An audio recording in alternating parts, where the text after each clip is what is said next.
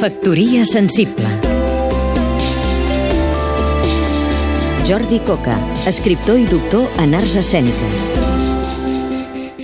La situació dita de crisi que viu Europa també ha provocat efectes desastrosos en el teatre català. Els espais que majoritàriament funcionen amb diner públic han hagut de reduir de manera dràstica els pressupostos i les empreses privades no tenen el finançament que necessiten, a més de patir el pes absurd de l'augment de l'IVA.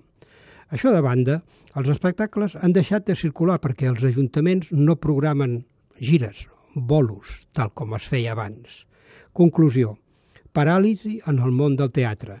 Molts intèrprets s'han hagut de plantejar un canvi d'activitat, això que ara se'n diu reinventar-se, i una tendència a la baixa del nivell artístic i conceptual de les propostes per garantir la taquilla.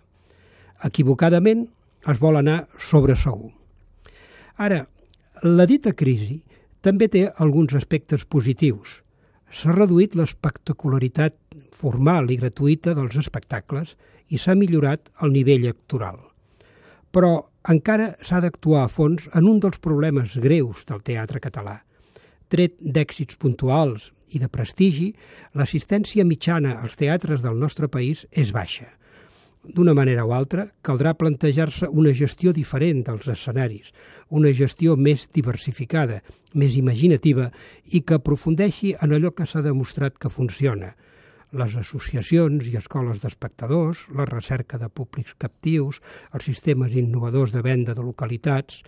Pensem-ho, les ajudes que arriben als teatres no poden ser ajudes a les butaques buides.